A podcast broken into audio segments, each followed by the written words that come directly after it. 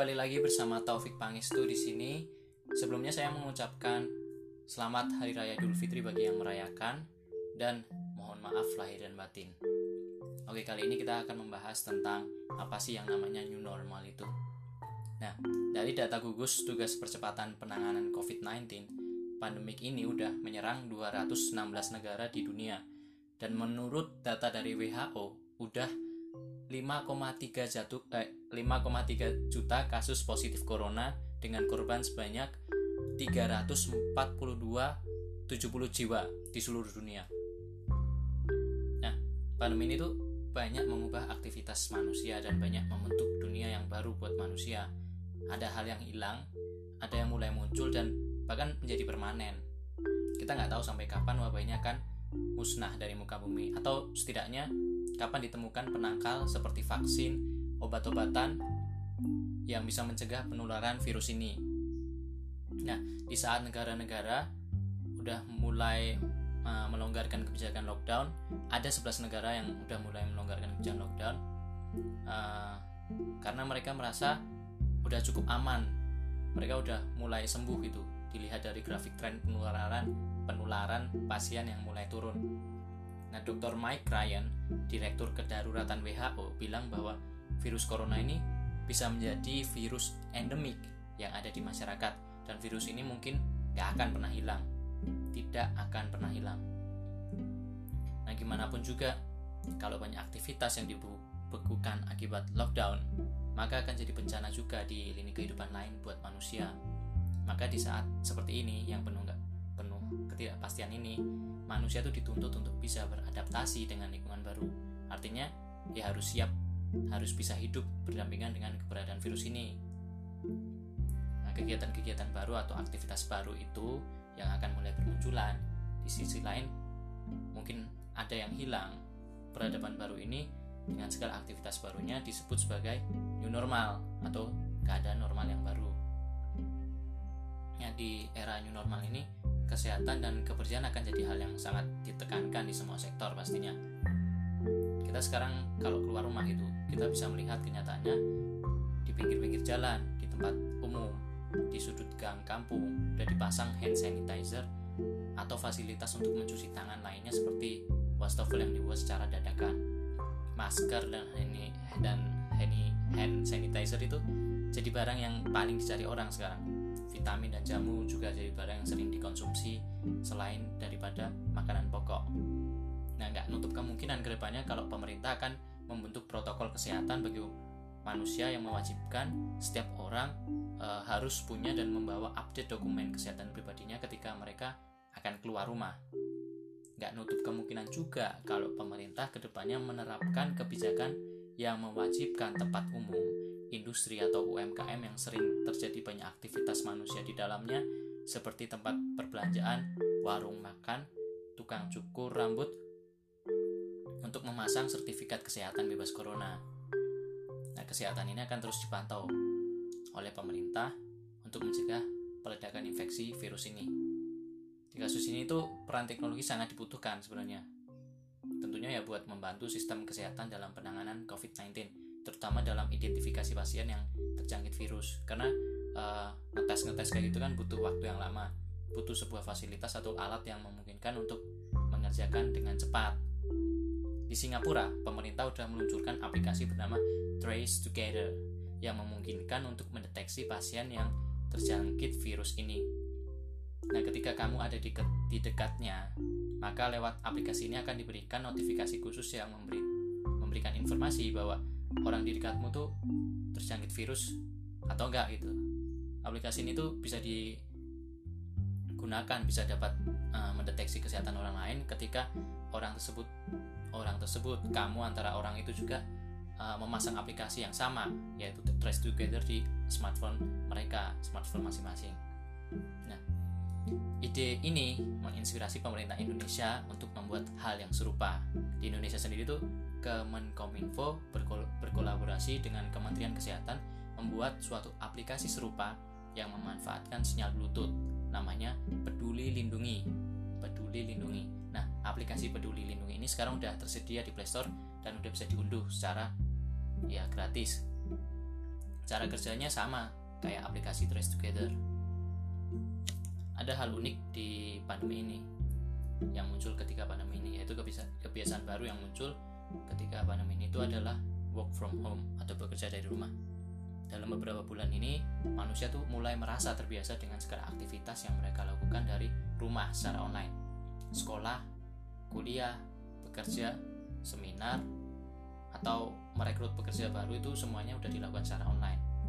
Bahkan di masa pandemi ini online meeting tuh jadi di webinar baik yang dimanfaatkan untuk menyelenggarakan seminar maupun penyelenggaraan pendidikan ataupun profesi jadi tren yang terus meningkat bahkan jadi budaya baru yang melekat di kehidupan manusia. Bahkan yang barusan ini halal bihalal pun sudah dilakukan secara online terlepas dari pelaksanaan pelaksanaan yang dilaksanakan karena keadaan yang uh, mendesak gitu karena lockdown terus nggak bisa ketemu.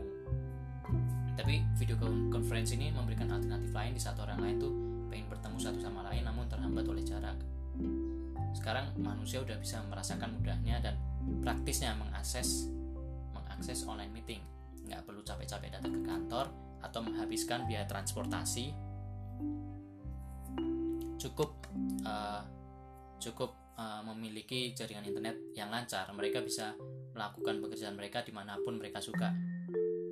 Mereka udah bisa melakukan uh, pertemuan secara online.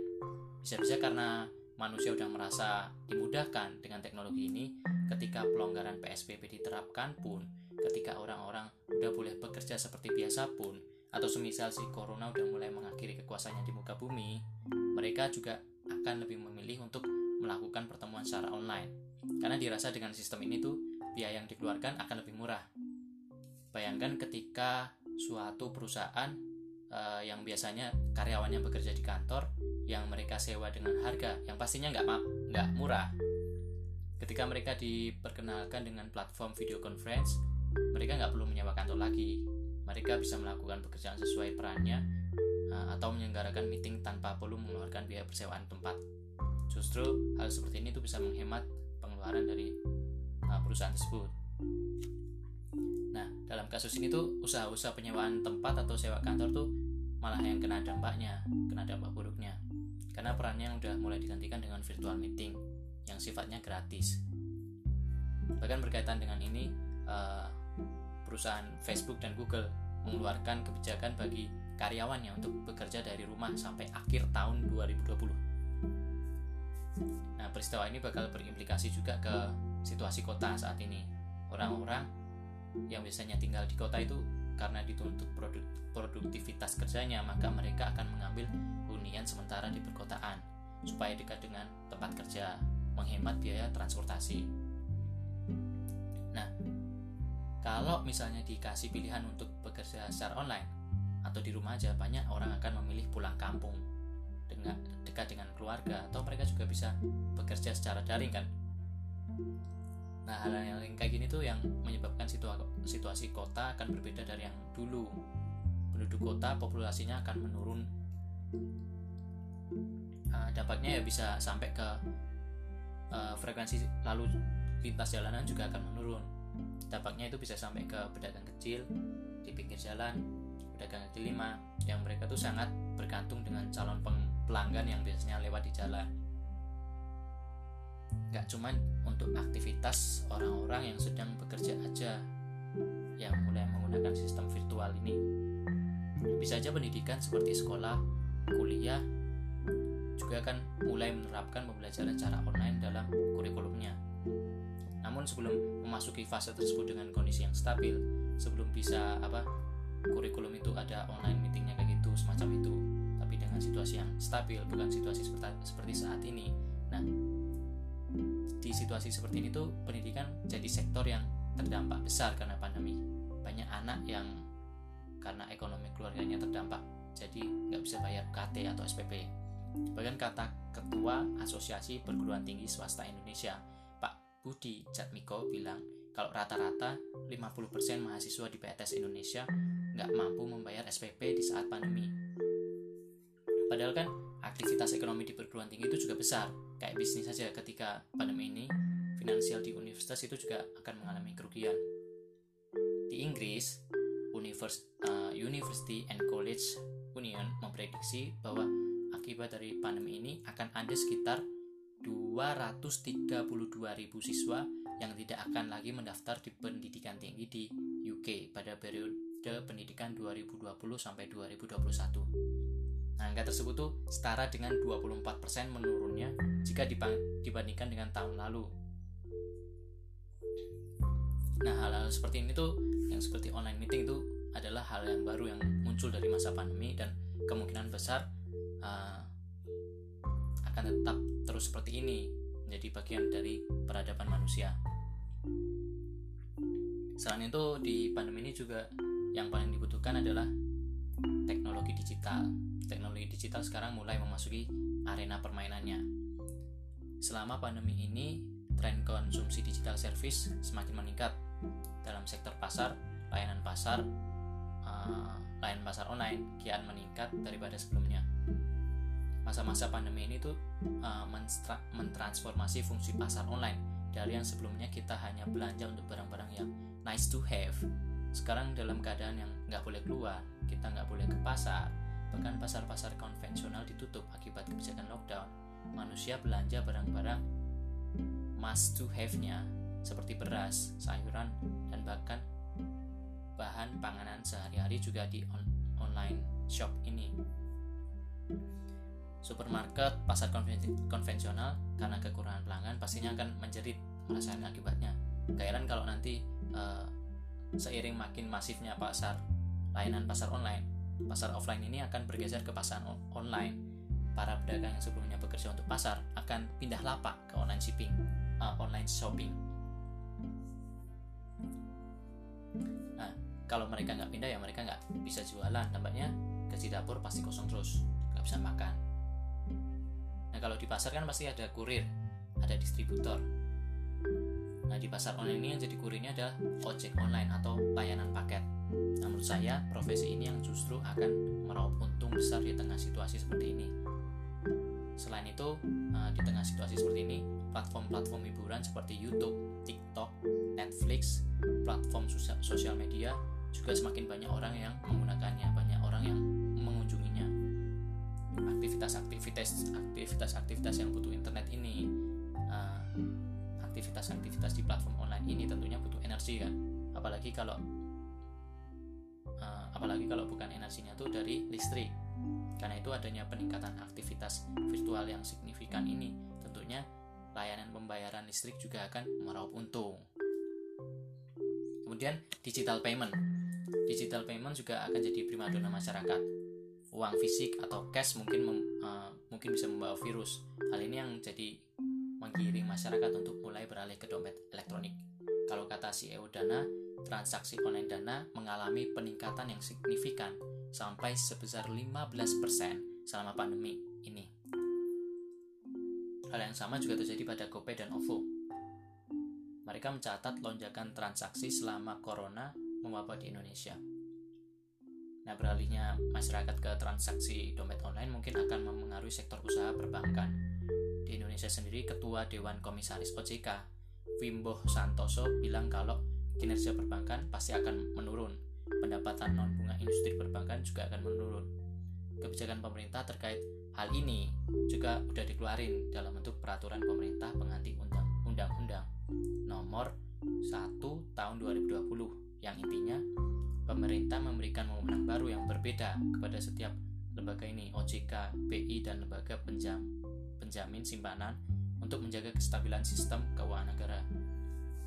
Nah, kasus yang baru-baru ini tuh ada kan yang apa DPR memberikan usulan kepada pemerintah dan Bank Indonesia untuk mencetak uang hingga sebesar 600 triliun rupiah untuk menyelamatkan ekonomi dari dampak virus corona alasannya seperti itu tapi usulan DPR ini yang pada akhirnya ditolak sama pihak BI karena menurut BI itu nggak lazim dilakukan dalam kebijakan moneter. Nah di apa pandemi ini beberapa profesi di sektor real mungkin akan hilang. Profesi yang berhubungan dengan artificial intelligence, Internet of Things, teknologi digital akan sangat dibutuhkan saat ini. Menurut International Labour Organization menyebutkan bahwa akibat dari pandemi ini hampir 1,6 miliar pekerja informal dari total 2 miliar di seluruh dunia dan tenaga kerja global 3,3 miliar telah menderita kerusakan besar kapasitas mereka untuk mencari nafkah. Ini karena kebijakan lockdown atau uh, mereka bekerja di sektor yang paling terpukul semasa pandemi ini. Kalau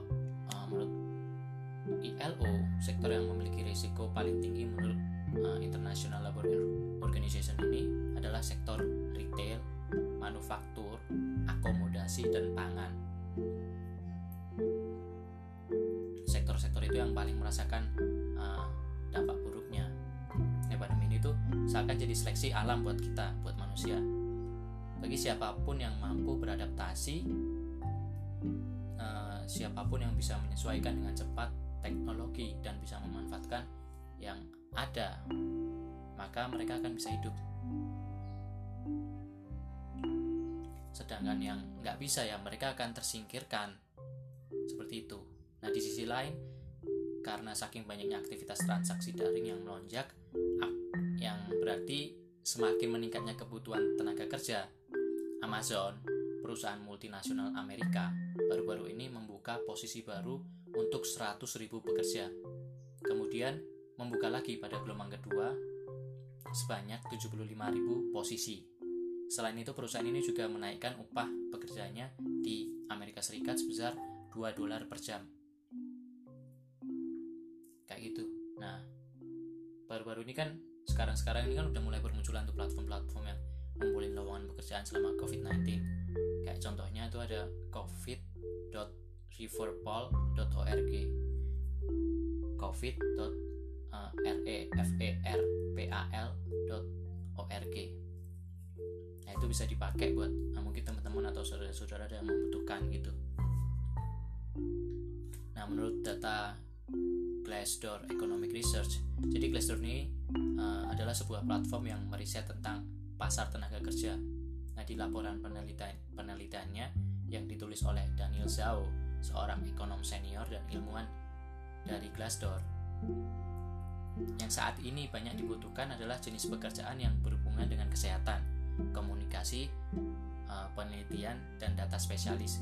Nah, kira-kira ke depannya pekerjaan-pekerjaan ini yang bakal booming dan bakal sangat dibutuhkan selama pandemi ini maupun nanti ketika new normal.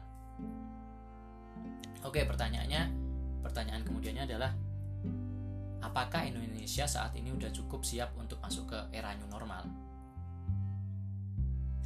Nah baru-baru ini tuh karena pemerintah Indonesia berencana melonggarkan PSBB, muncul dugaan dugaan di masyarakat kalau pemerintah akan menerapkan kebijakan herd immunity yang kemudian prasangka ini dibantah oleh jubir pemerintah Pak Ahmad Yuryanto.